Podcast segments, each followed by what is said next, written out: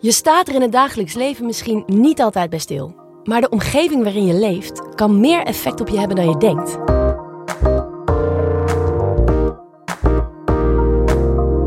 Ik ben Nienke de la Rivebox. Welkom bij de RIVM-podcast Leefomgeving en Gezondheid.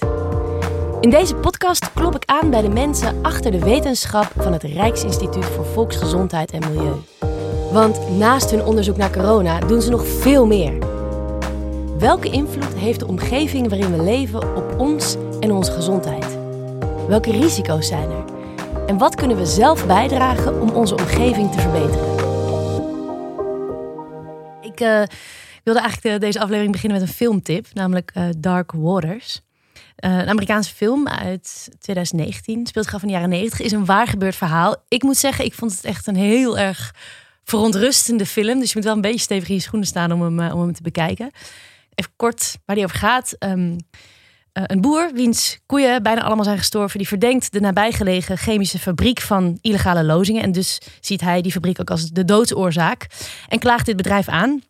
Nou, zijn advocaat die bijt zich helemaal vast in die zaak. En het wordt een gigantisch proces van jaren. Waarin steeds meer schokkende feiten boven tafel komen. En die hebben onder andere te maken met de stof PFOA.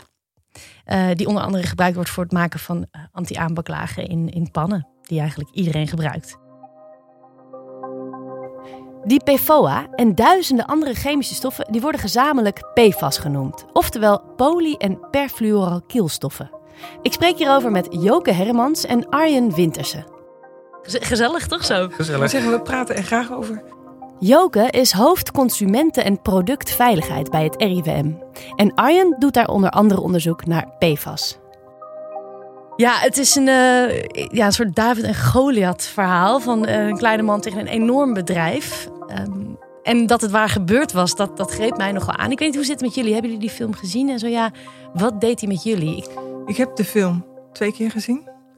En ik vond hem uh, heel aangrijpend. En ook omdat het echt gebeurd is. Je, natuurlijk is het iets dramatischer in beeld gebracht. Want het is natuurlijk een prachtige film. Maar ik vond het een een enge film. En ook hoe de overheid daar net niet de grip krijgt op de problemen die er wel echt zijn. Ja. En jij Arjen? Ja, vond ik ook. Uh, uh, ja, voordat we misschien iedereen helemaal de stuip op het lijf jagen. Dus, zoals je zelf ook al zei, uh, sommige onderdelen zijn wel wat gedramatiseerd. Hè. Ik denk, bekend beeld bijvoorbeeld uit die film is... Hè, dat een hoofdpersoon rijdt met zijn auto door, door een dorpje... en dan ziet hij wat kinderen die daar blootgesteld zijn aan PFAS... en die lachen hem vriendelijk toe.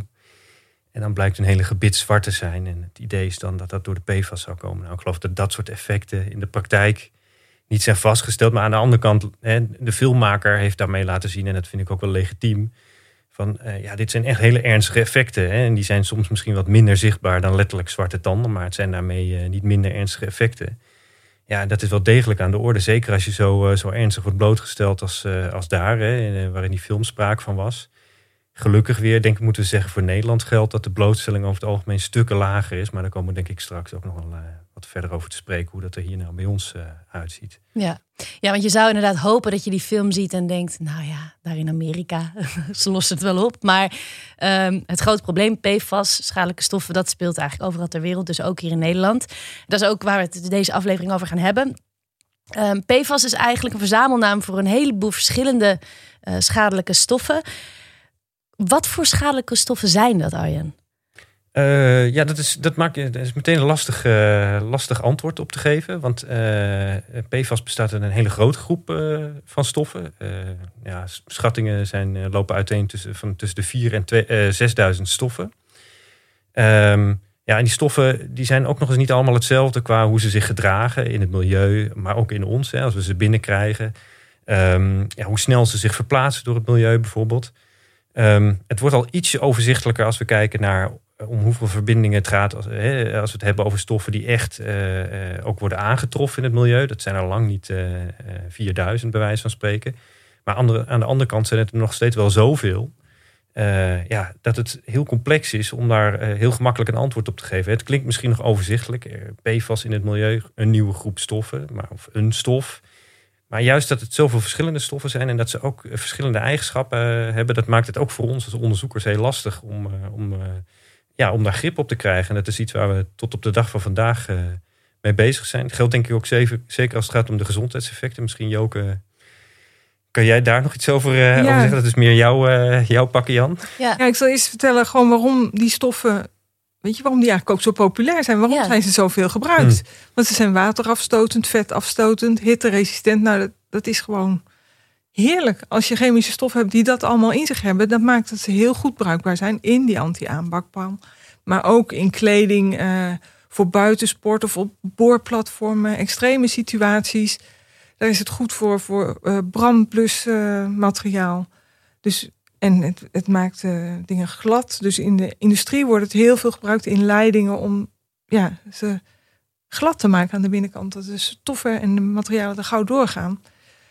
Dus ja, geweldige stoffen, prachtige eigenschappen. Maar aan de andere kant ook die nadelige eigenschappen. Het breekt niet af in het milieu, breekt niet af in de mens. En de mens is ook heel gevoelig voor die stof. Dus het kan schadelijke effecten geven in de mens. Eh, als je veel binnenkrijgt, want zo is het altijd bij stoffen. Dat weten we zelf ook van koffie. Sommige mensen kunnen tegen één kopje koffie. En met drie kopjes staan ze te, te stuiteren. Dus de dosis maakt het effect. Zo is het ook met chemische stoffen. Maar als je veel binnenkrijgt, kan je er kanker van krijgen. Het meest gevoelige effect in de mens is het immuunsysteem. We hebben nu gezien bij een hele lage dosering al reageert je immuunsysteem minder sterk op een vaccinatie. Ja, laten we daar zeker ook straks verder op ingaan. Heel kort, je noemde al een paar toepassingen. Uh, dat zijn ook wel nog een beetje ver van het bed van veel mensen en boorplatformleidingen. Maar het komt er eigenlijk op neer dat PFAS overal is, toch? Dat is waar. Dus als je bijvoorbeeld deze studie neemt of iemands dagelijks huis, waar, waar zitten die stoffen allemaal in? Ja, uh, het wordt gebruikt om allerlei materialen te coaten. Hè. Dus het is uh, water- en vuil afstotend. Um, het wordt als hulpstof gebruikt, hè, zoals je ook, al schetste. Bijvoorbeeld, uh, je, je, kan cosmetica, daar is het zelfs ook in aangetroffen. Dus het kan de eigenschappen van cosmetica gunstig veranderen voor het, voor het product. Ja, en ook daarvoor geldt weer een beetje, het is zo'n grote groep stoffen. En de hoeveelheid stof, toepassing is nog veel groter dat ook dat is iets, daar zijn we eigenlijk ook nog tot op de dag van vandaag uh, hard ons best voor aan het doen. Om daar beter grip op te krijgen van ja, waar, waar tref je het allemaal in aan? Want ja, heel soms denk je bij jezelf van, uh, waarom, vraag je bij jezelf af waarom hebben ze het eigenlijk hier uh, toegepast in een, in een, in een, in een, in een, in een product? Uh, want het had ook makkelijk op een andere manier opgelost kunnen worden. Maar dan is het misschien wel een kwestie van, geweest van... Uh, het was ook lekker goedkoop. Hè? Het, uh, dat is ook eigenlijk heel vervelend aan, aan veel PFAS. Dus ze zijn heel goedkoop om te maken. En handig voor alles. En handig voor alles. Dus ja, en dat heeft ertoe geleid dat, dat het heel aantrekkelijk was voor producenten... om ze in van alles en nog wat toe te passen. Ja, en dan heb je het dus over keukenspullen regenjassen om die waterafstotend te maken. Je noemde make-up. in mobiele telefoons zit het ook, geloof ik smeermiddelen voor de fiets. Dus vrijwel iedereen heeft het ook in zijn schuur staan. Ja, uh, tapijten begreep ik om die waterafstotend Meubilair, te ja, ja. Ja, vuil afstotend te maken. Dat betekent dus dat er eigenlijk gewoon waarschijnlijk in elk Nederlands huishouden wel gewoon PFAS uh, ja, te vinden is. Ja, zeker. Ik denk dat het zelfs knap is als het je lukt om het niet in je huishouden te, te hebben. Dat lukt je gewoon niet. Ja, ja, het is een, een, heel bizar idee als je dus bedenkt dat het een hele giftige stof is. Um, want ja, wat maakt dat PFAS nou zo schadelijk voor onze gezondheid? ik denk de, dat het bindt aan de eiwitten en in je lichaam aanwezig blijft. En daar verstoort het processen. En je had het al over die film Dark Waters. Nou is het uh, wrangen aan die situatie. In die film Dark Waters wordt op een gegeven moment een heel groot onderzoek gedaan naar de gezondheid van mensen en naar de hoeveelheid PFAS in hun bloed. En die situatie heeft ons heel veel geleerd over de nadelige eigenschappen van deze stoffen. En daarvan weten we dus, ja, het kan je immuunsysteem beïnvloeden. Het kan je bloedcholesterol laten verhogen. Daar weten we allemaal van dat het niet goed is. Het kan de vruchtbaarheid beïnvloeden. En in extreme gevallen ook kanker geven. Ja, en je noemde net ook dat uh, in verband met je immuunsysteem dat je voor vaccinaties ook minder vatbaar bent. vaccinatie werkt nog wel maar ietsje minder goed. Weet je, dus uh, wees niet bang dat als jij voor je boosterprik gaat, dat die niet werkt. Hij werkt gewoon. Want die werkzaamheid, ook dat is weer een wrange waarheid. De werkzaamheid van COVID-vaccins is getest op mensen zoals jij en ik. Die hebben allemaal PFAS in hun bloed. Maar wacht even, hier zeg je iets. Dat is denk ik daar schrikken denk ik wel heel veel mensen van. Jij zegt, iedereen heeft PFAS in zijn bloed. Iedereen heeft PFAS in zijn bloed. Dat is gemeten of dat, dat is gewoon een feit? Dat is, uh, het is niet bij iedereen gemeten natuurlijk. Dus het is een voorspelling op basis van de kennis die wij hebben. Als je bij mensen gaat meten, groepen mensen, dan is iedereen heeft een beetje of wat meer PFAS in zijn bloed. En dat is ook niet zo logisch, want hoe komt het daar? Door ja, de omgeving waar je in bent, het eten wat je eet. Het zit dus ook in ons eten, in hele lage hoeveelheden. Maar omdat die stof niet afbreekt, al die kleine beetjes die blijven dus in je lichaam. Het zit ook een heel klein beetje in drinkwater. Het kan ook zijn, die situatie kennen we in Nederland uh, rond de fabriek van Gemoer in Dordrecht, dat je het hebt ingeademd via de lucht. Nou. Maar als je dus zegt dat iedereen het in zijn bloed heeft. En je zegt ook dat het echt wel een schadelijke stof is die ook niet zo makkelijk uit je lichaam gaat. Moeten we ons dan niet ontzettende zorgen maken? Dan komen we weer terug bij dat de dosis het effect maakt. Het is een klein beetje. Ons lichaam is gelukkig ook heel veerkrachtig. Dus daar kan het lichaam meestal wel mee dealen. Maar het is geen mooi feit. Dat is waar. En daarom gaat de overheid zich ook inspannen om te zorgen dat dat minder wordt. Kortom, er is nog geen reden tot grote zorgen, maar ik ben wel blij dat het RIVM dit nauw in de gaten houdt en de overheid aanspoort tot actie. Maar als het al zo schadelijk is voor ons lichaam, dan moet het toch ook kwalijk zijn voor het milieu? Arjen legt uit. Ja, nee, dat klopt. Uh, ja, het vervelende van deze stoffen is uh, niet zozeer hè, als, als soorten in het milieu worden blootgesteld rechtstreeks aan deze stoffen. Dat noemen we directe toxiciteit. En dan moet je je voorstellen een worm die in de bodem bijvoorbeeld uh, in aanraking komt met PFAS. Ehm, ja, die worm die zal misschien nog niet zo super veel last hebben van PFAS. Maar zo'n worm die wordt weer opgegeten door een, door een kleine vogel. En die kleine vogel wordt weer opgegeten door een grotere vogel. En dan helemaal kom je op een gegeven moment aan boven in de voedselketen. En juist die soorten hoog in de voedselketen, dus dat zijn uh, bijvoorbeeld die roofvogels, maar ook uh, zeezoogdieren, mollen, dat soort, dat soort dieren. ja, daar vind je behoorlijke concentraties PFAS in als je, als je dat gaat, gaat onderzoeken. En die soorten hebben daar ook last van. Hè. Die ondervinden daar bijvoorbeeld leverschade of hersenschade van, van, van, van die hoeveelheden PFAS. En dan ja, is eigenlijk het cirkeltje weer rond ook naar de gezondheidseffecten. Want ja, wij zijn natuurlijk uiteindelijk ook gewoon zoogdieren. En we staan ook hoog in onze, in onze eigen voedselketen. Dus op, op die manier uh, stapelen die PFAS dus ook in ons. En ja, eindig je uiteindelijk met, met PFAS in je bloed, dus als mens ook. Ja, ja precies. Dus in je eigen huis zoveel mogelijk PFAS vermijden is niet de enige oplossing. Nou, dat is wel een, een oplossing. Hè. zeker zolang ja, uh, PFAS nog niet helemaal uit, uit onze omgeving verwijderd is, is denk ik wel goed om je er bewust van te zijn. Hè, dat, je, dat er PFAS in, in allerlei toepassingen voorkomt. En dat er ook mogelijkheden zijn om je eigen blootstelling terug te brengen. Ja, daar kun je zeker, zeker stappen in zetten, ook, ook als, als, als gewone consument, zeg maar. Ja, nou dat, dat is een soort klein lichtpuntje. Je noemde net al even die film die ik aanhaalde, dat is Amerika. In Nederland is de situatie anders. Het is wel natuurlijk een wereldwijd probleem. Maar als we inderdaad even inzoomen op Nederland. Hoe staan we er in Nederland voor wat betreft PFAS? Ja, kijk, ik zit zelf, uh, hou ik me bij het RIVM vooral bezig met, met risico's van stoffen in bodem en grondwater. En een aantal jaren geleden, ja, toen, misschien kan je je dat herinneren toen, uh, toen waren er onder andere protesten. Hè? Mm -hmm. Boerenaannemers uh, die kwamen naar, naar Den Haag. En ze zijn ook bij ons op bezoek geweest in Beeldhoven bij het RIVM.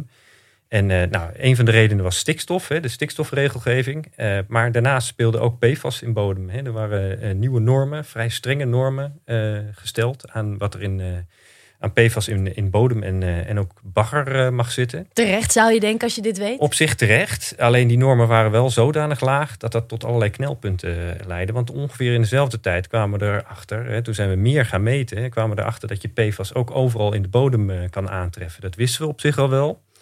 Maar ja, je moet het ook zo zien dat in de loop der tijd wordt de mogelijkheid om stoffen zoals PFAS te meten in de bodem wordt ook steeds beter. Dus je treft die stoffen ook al sneller aan. En ja, als je dan geen norm hebt voor PFAS in bodem, dan zegt de regelgeving, ja, ga dan maar uit van het ergste. Dus eh, als je het kan aantonen in bodem, dan ga er dan maar vanuit dat er ook iets aan de hand is. En dan gelden er dus allerlei beperkingen. Nou, dat zorgde er toen dus ook voor dat, uh, ja, dat, dat er allerlei knelpunten ontstonden. Want in een landje als Nederland kan je niet niet te lang uh, zeggen van, uh, nou verplaats me helemaal geen grond of, uh, of bagger meer bijvoorbeeld. Hè. We moeten heel veel baggeren in Nederland. Want dat waren dus consequenties voor de bouwers waar zij misschien niet eens één op één zelf de oorzaak van waren van die PFAS. Nee, dat is ook een beetje de tragiek van het hele verhaal. Hè. Ja. Je, krijgt, je wordt de, de, rekening gepresenteerd van, van een proces dat heel ergens anders plaatsvindt. En, maar je wordt daar wel mee geconfronteerd op die manier. Ja, zeker. Kun je ook nog uitleggen hoe het bodembeleid in Nederland, wat het doel daarvan is? Ja, nee, dat is, uh, ja, zeker kan dat. Uh, dus uh, het, het, bodembeleid kent meerdere doelen of beschermdoelen. Hè. in de eerste plaats een belangrijk uitgangspunt van het bodembeleid, zeker als het gaat om het verplaatsen van grond, is dat wat schoon is, moet schoon blijven. En dus we hebben voor heel veel stoffen weten we wat ongeveer er aan stoffen aanwezig is in de bodem. En als je dan grond gaat verplaatsen of bagger gaat verplaatsen, dan zegt de bodemregelgeving nou, je moet in ieder geval zorgen dat, uh, dat je bijvoorbeeld niet hele vieze bodem op een plek neerlegt waar het nog heel schoon is nu. Het probleem is alleen voor PFAS, stoffen uh, als PFAS, als je daar nog maar heel weinig van weet, weet je niet wat vies is en wat schoon is. Hè? En dan krijg je dus zo'n situatie waarbij er allerlei knelpunten ontstaan. Ja, en daarnaast proberen we ook nog met het bodembeleid uh, mens en, en dieren te beschermen. En dan kom je weer terug op die gezondheidseffecten en effecten voor het milieu. Ook dat zit allemaal in de normen uh, verpakt. Hè, en die moeten er uiteindelijk voor zorgen dat al die dingen uh, zeg maar geadresseerd worden. Dus dat de bodem niet viezer wordt dan die al is. En dat mens en, uh, en milieu beschermd worden. Nou, en dat zorgde ervoor toen PFAS echt ja, bij iedereen op het netvlies kwam. En toen eenmaal bekend was dat je die stoffen overal in bodem, maar ook in grondwater, in waterbodem kan aantreffen. Ja, toen werden wij natuurlijk gevraagd om in hele korte tijd toch te helpen bij het onderbouwen van die normen. Ja, dat was al een heel hectisch proces. Binnen een paar weken moesten we bijvoorbeeld uh, achtergrondwaarden afleiden. Nou, achtergrondwaarden? Dat, oh ja, sorry, ja, dat is een beetje een vakterm, achtergrondwaarden. Hè. Dat, dat, dat zijn dus waarden die aangeven wat je uh, op een plek kan aantreffen. En hoeveel uh, PFAS er op een plek in de bodem voorkomt waar op zich geen bronnen aanwezig zijn. Dus je gaat bijvoorbeeld niet heel dicht bij de chemoerfabriek meten, want je weet dat daar hoge concentraties in de bodem voorkomen maar wel wat verder ervan af. Als je geen aanleiding hebt om te veronderstellen dat er iets geks aan de hand is geweest, dat er incidenten zijn geweest met PFAS, op die plekken ga je meten en zo bepaal je wat zit er uh, zeg maar, eh, als achtergrondwaarde PFAS in de bodems in Nederland. Maar als ik het goed begrijp, we hebben een bodembeleid in Nederland waar je dus niet vieze grond mag vermengen met schone grond. Uh, kortom, bodem met PFAS mag niet vermengd worden waar dat nog niet zit. Alleen omdat er dus nog te weinig over bekend is, weet je niet zo goed waar die PFAS zit. Ja. En hebben ze dan dus bijna uh, gezegd van nou dan verplaatsen we even niks, even ja, kort door de bocht. Dat is een hele goede samenvatting. Ja, ja, ja maar goed, dat, dat kan je maar heel kort volhouden, zeg maar. Want ja, alleen al om de waterwegen in Nederland zeg maar bevaarbaar te houden, moet je heel veel baggeren. Dat kun je niet zomaar stilleggen, want ja, anders krijg je op andere vlakken weer een, een probleem. Dus ja, dat was toen mede de aanleiding dat daar toch ja, heel veel druk ontstond om snel toch uh, ja, op een zo goed mogelijke manier wel uh, uh, dat soort normen af te leiden. Ja. En waar komt nou eigenlijk al die PFAS in Nederland dan vandaan? Want het wordt dus niet door de bouwers zelf veroorzaakt, maar het zit er wel. Waar, waar komt het vandaan? Nou, het komt dus van industriële activiteiten in Nederland en in het buitenland. We hebben de chemoerfabriek al een paar keer genoemd. Van daaruit is er. Want dat is een grote chemiefabriek. Een chemiefabriek in Dordrecht waar teflon gemaakt is met behulp van PFOS, PFOA. En daar is verontreiniging van de omgeving plaatsgevonden en is ook emissie, dus uitstoot naar de lucht. Via het water, via de lucht, de bodem is vervuild. Dat zijn manieren om, waarop het vervuild wordt. Maar het komt ook met de rivieren binnen het land. Het komt via de lucht het land binnen. Uh, de laatste tijd horen we ook veel over uh, Zeeland.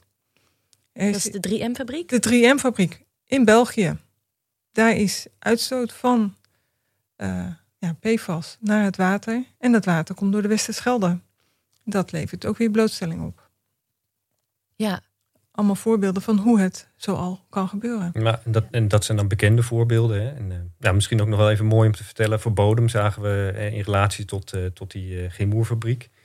zagen we echt heel duidelijk een concentratieverloop. Dus hoe dichter je bij Dordrecht komt, hoe hoger de concentratie PFO werden. Dus als je als producent eh, eh, zeg maar, eh, nou ja, zeg maar, je sporen wil verhullen, dan moet je niet een stof gaan uitstoten die, die niet afbreekbaar is, zeg maar. Want we mm weten je op die manier altijd wel te traceren. Um, maar, maar ja, het lastige is ook dat er zijn ook een heleboel routes die we nog niet goed in beeld hebben. Dus uh, Joke noemde net al een aantal hele belangrijke routes. Maar we zagen in bodem bijvoorbeeld ook, we hebben gekeken op plekken, uh, landbouw, natuurgebieden Maar ook op plekken waar meer mensen wonen, in bebouwde omgeving. En we zagen wel dat er een verschil was. We zagen dat die landbouw- en natuurgebieden gelukkig uh, over het algemeen wat schoner waren. En dat daar wat minder PFAS zat. Maar juist in die bebouwde omgeving waren de concentraten weer wat hoger. Maar hoe dat precies komt, dat weten we eigenlijk nog niet zo goed. Hè? Dat is waarschijnlijk een combinatie van allerlei bronnen, toepassingen waarin PFAS zit. En die, ja, waar mensen zeg maar, bezig zijn, toch op een of andere manier in de bodem terechtkomen. Dus eigenlijk is het voor jullie ook nog soms een beetje tasten in het duister. Ja, stukje bij beetje komen we meer te weten. Maar uh, om te zeggen dat we de puzzel al helemaal gelegd hebben, dat, uh, dat zou. nee, het voelt zeker als recherchewerk.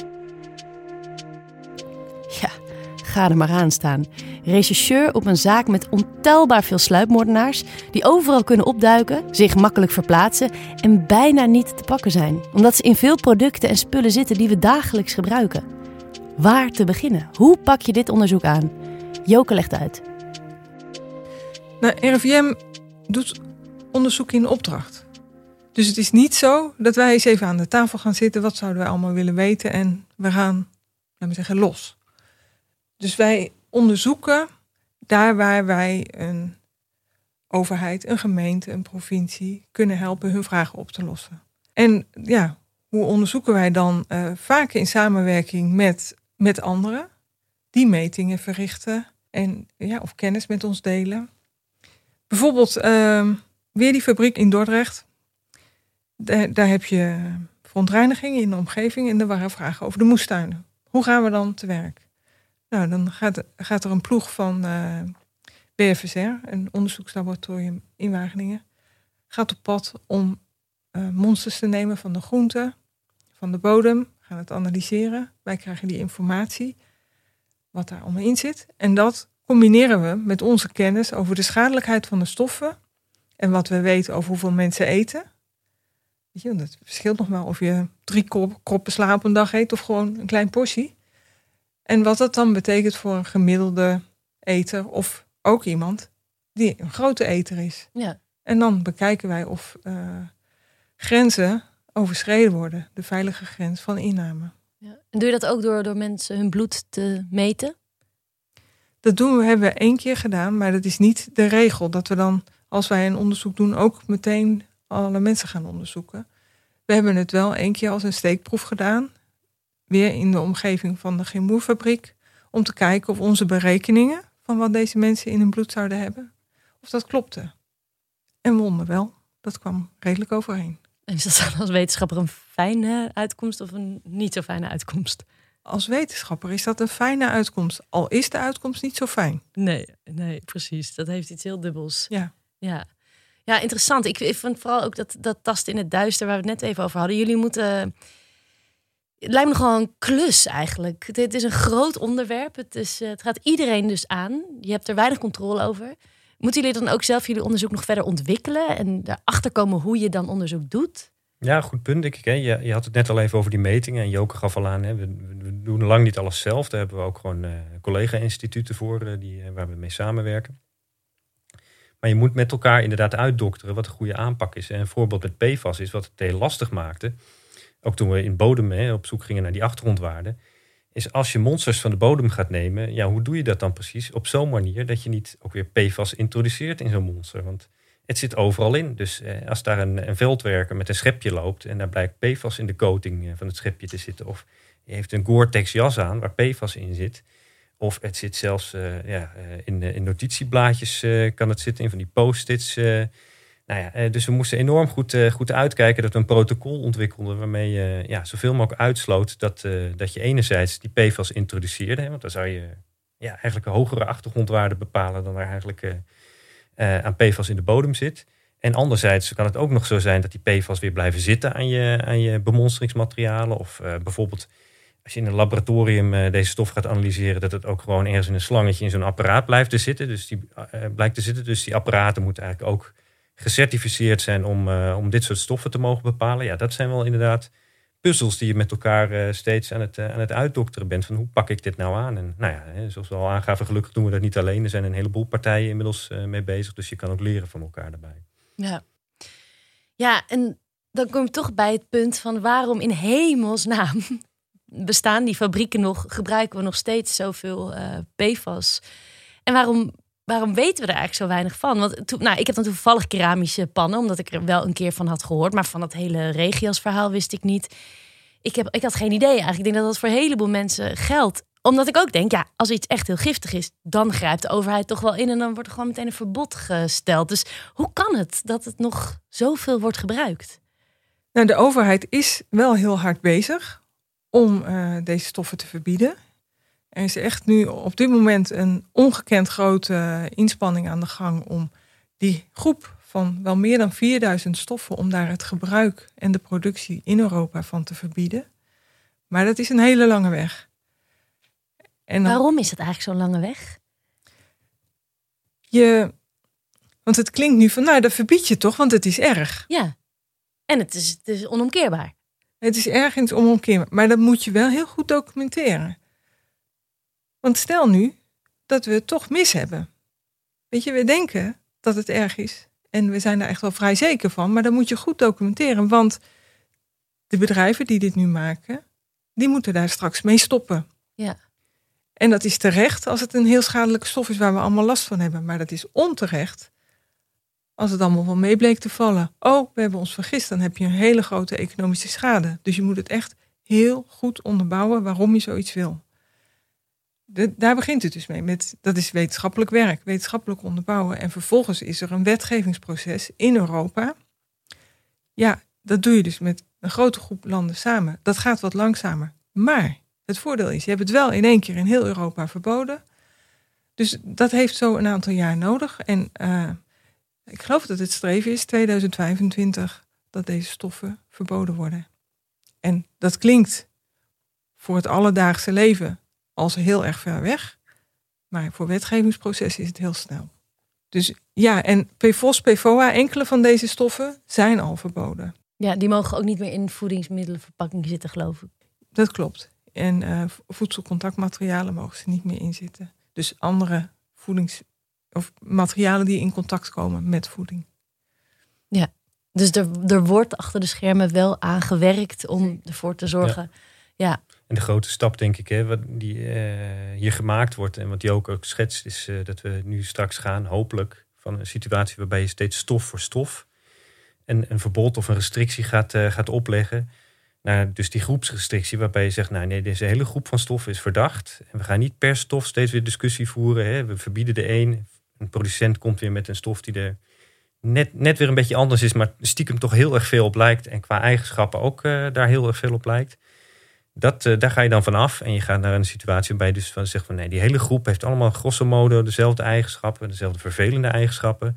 Dat moeten we gewoon niet willen. Dus die wordt integraal verboden. Uh, in ieder geval voor toepassingen waarvan we zeggen, ja, dat, daar kun je ook prima met andere oplossingen, zeg maar, zo'n toepassing realiseren. Ja, want dat is natuurlijk het ingewikkelde. Aan de ene kant willen we allemaal niet ziek worden, maar ja, we willen wel een waterdicht regias. Of stel je voor dat je een pan hebt die aanbakt, dan zijn wij natuurlijk ook niet blij. Dus dat is natuurlijk ook een soort dilemma.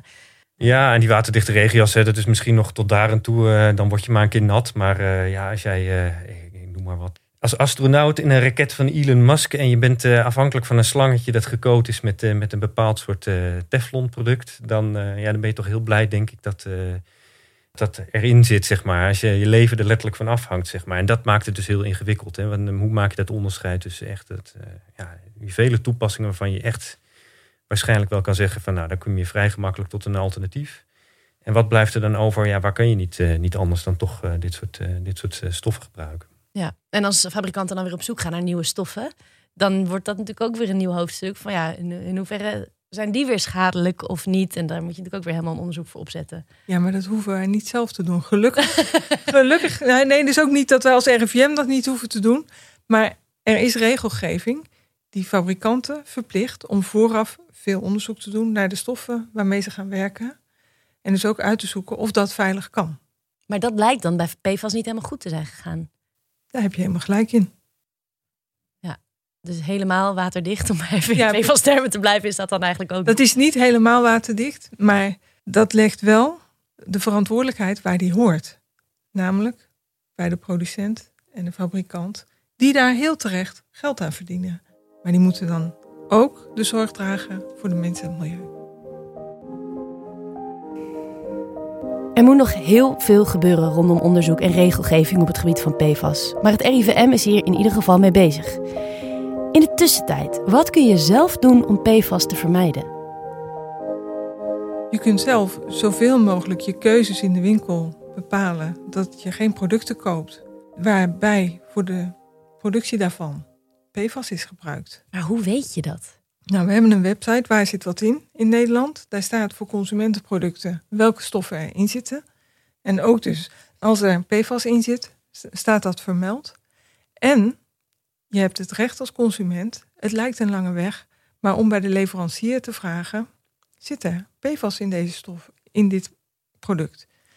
Want je mag gewoon vragen en daar moet een uh, leverancier antwoord op geven of er gevaarlijke stoffen in het product zitten. Maar dat, ik vind dat best nog wel een grote, grote verantwoordelijkheid voor de consument. Want het is best een puzzel. Ik heb die website bekeken. Die is op zich overzichtelijk. Maar dan nog is het best een berg informatie die je moet uitspitten. Ja, precies. Het begint ook, hoewel naar deze podcast te hebben geluisterd, is, is het misschien moeilijk om vertrouwen te hebben in het systeem. De bedrijven moeten zorgen dat er in de winkel veilige producten liggen. Dus dat is het eerste. En als er dan speciaal stoffen zijn waar je, waar je zorgen over hebt, dan kun je heel vaak op de verpakking kijken of die er al dan niet in zitten. Wil je het helemaal zeker weten, dan vraag je de leverancier. Ja, en dan moet je dus op die website kijken, want dat zijn hele ingewikkelde chemische namen.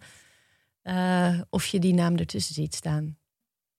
Ik vind, dan, ik vind dat het de consument niet makkelijk wordt gemaakt, eerlijk gezegd. Nee, dat hoor ik ook vaak. Aan de andere kant, ik ben er wel van overtuigd dat dit wel kan helpen. In, in ieder geval in die tijd dat we nog bezig zijn om die restrictie verder uh, in te vullen. Wat, ja, kijk, wij, wij zijn natuurlijk, wij hebben een beroepsdeformatie. Wij, wij zijn hele dagen met, uh, met PFAS bezig. Maar wat je wel merkt is, als je, ook als je anderen in, in, zeg maar, in je kennissenkring spreekt over dit soort stoffen en over het soort producten waar het in voor, voorkomt, dan ja, heb ik wel het idee dat dat wel zeg maar iets uh, in gang brengt. En dan spreek je even later die mensen weer en dan zeggen ze: ja, ik heb toch allemaal pannetjes uh, de deur uit gedaan. En bij mijn nieuwe pannen heb ik echt goed gekeken of, uh, of ze wel echt PFAS-vrij zijn. Dus dat is nou een voorbeeld van een groep producten waar je heel goed ook nu inmiddels aan de labeling kan zien van fabrikanten die, die hebben gemerkt. Het, het geeft ons een voordeel en consumenten vinden, ervaren dat als een pre als wij aan kunnen geven dat we het gewoon niet met PFAS geproduceerd hebben. Nou, eigenlijk wil je geef onmiddellijk toe, het is niet optimaal. Maar eigenlijk wil je daar wel hè, uh, naartoe. Dat ook voor andere type producten, dat, uh, dat, uh, dat producenten dat gaan inzien. Hè, van ja, ik, kan, ik krijg mijn regias niet meer aan de man als, als, ik, als ik niet duidelijk kan zijn over of er wel of niet PFAS in zit. Heeft het zin als consument? Want ik kan me voorstellen dat het voor je eigen gevoel scheelt en ongetwijfeld ook wel iets. Maar denk je dat het op grote schaal nut heeft om als consument te zeggen: ik, ik koop geen spullen meer waar PFAS in is verwerkt? Het helpt om die omschakeling naar producten zonder PFAS sneller te laten lopen. Daarmee gaan de fabrikanten eerder die kant op. En ook hierbij geldt alle kleine beetjes helpen. Ja, uh, en, en even om de vergelijking te maken met vegetarisch eten.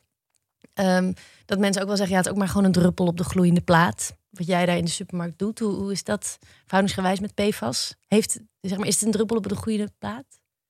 Ja, Jook, ik denk misschien ook aan, uh, misschien kunnen we nog iets zeggen over uh, de plannen die er zijn om ook meer, hè, we hebben al eens aangegeven van het is nog best een puzzel, ook voor ons, om te zeggen van, uh, nou, ik, ik hou me bijvoorbeeld vooral bezig met bodem en grondwater. De vraag die ik dan veel krijg is, ja, maar is dat nou wel zo belangrijk, die blootstelling vanuit bodem? Ik loop er overheen. Ja, ga je het met elkaar erover hebben, zeg je maar. Hè, er zijn ook mensen die telen hun groente op, op de bodem. Hè, en ja, het komt wel in die groente terecht. Oh ja, ja en dan zie je, maar eh, ook voor ons is het, is het nog een puzzel hè, om te bekijken van wat, is nou, wat zijn de, echt de blootstellingsroutes die je ertoe doen. Is dat nou inderdaad die regias die je aan hebt? Of zijn het die groenten die je uit eigen tuin eet? Of is het misschien nog iets anders? Ja, we zijn nu bezig, eh, maar Joke kan daar meer over vertellen, want Joke is daar vooral mee bezig met uh, ja, uh, nadenken over een onderzoeksprogramma waarin we juist deze vraag uh, proberen te beantwoorden. Hè, om in beeld te krijgen van wat zijn nou de, straks de belangrijkste blootstellingsroutes. en, en dan weet je ook beter van waar kan je wat aan doen straks.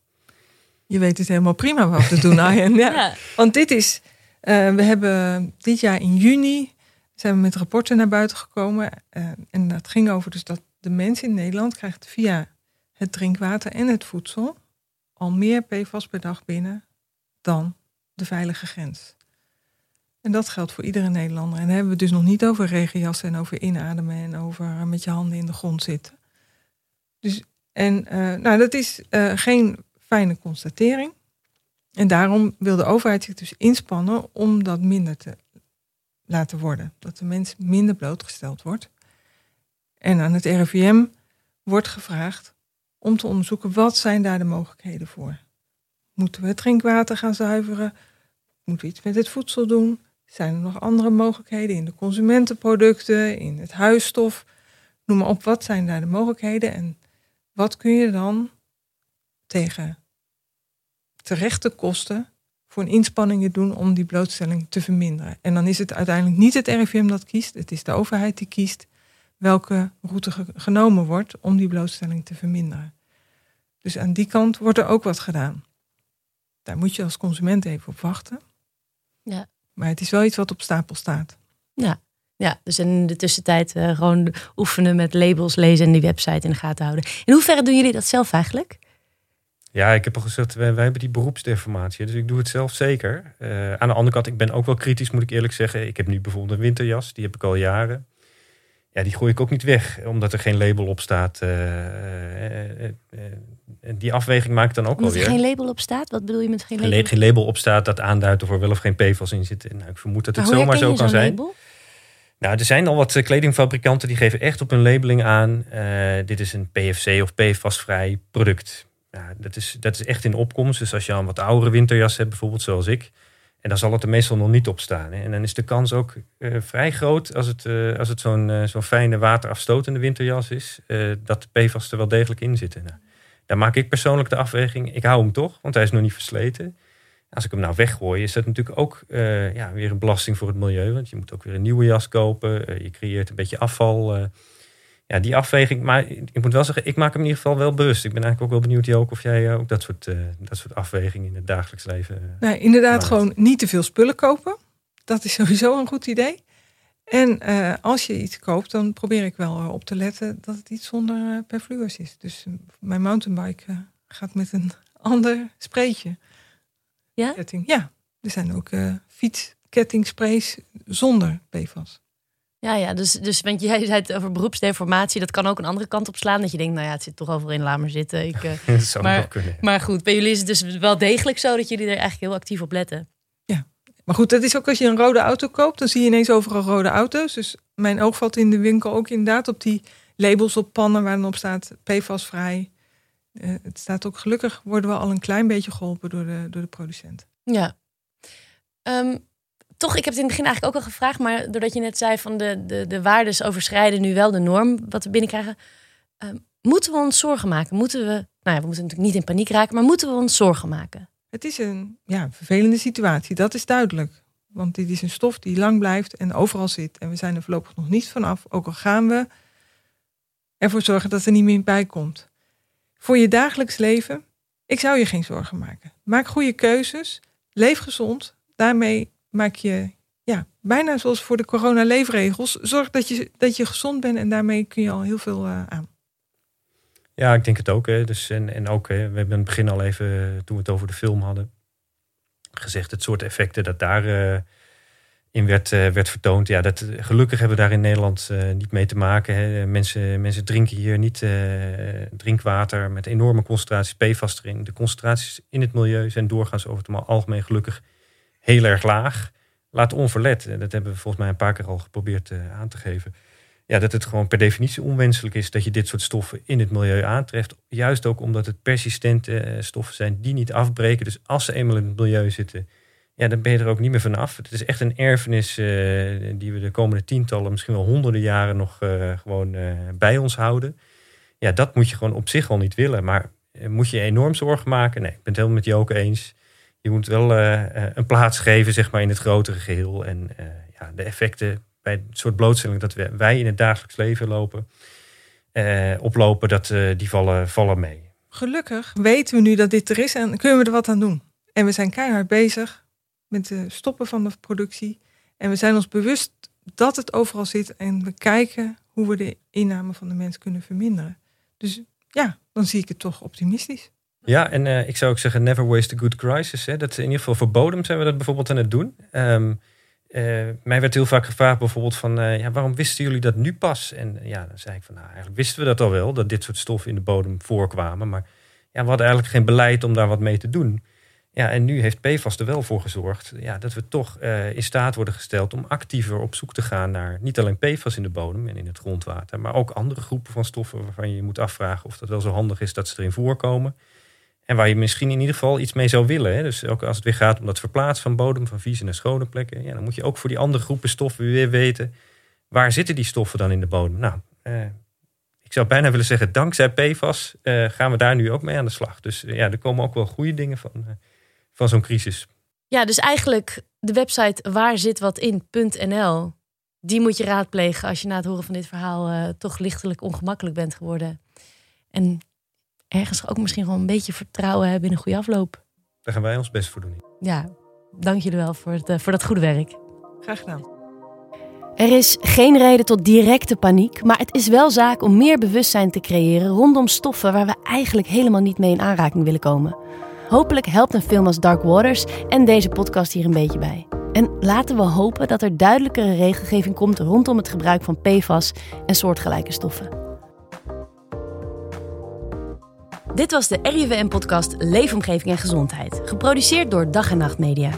Wil je meer weten over wat het RIVM doet op gebied van leefomgeving en gezondheid? Ga dan naar rivm.nl of volg het RIVM op Instagram, Twitter en Facebook. Kijk in de show notes voor de juiste links. Dit was voor nu de laatste aflevering van deze serie. We hopen dat je een beter beeld hebt gekregen wat het RIVM precies doet en hoe je zelf een steentje bij kan dragen aan je leefomgeving en gezondheid.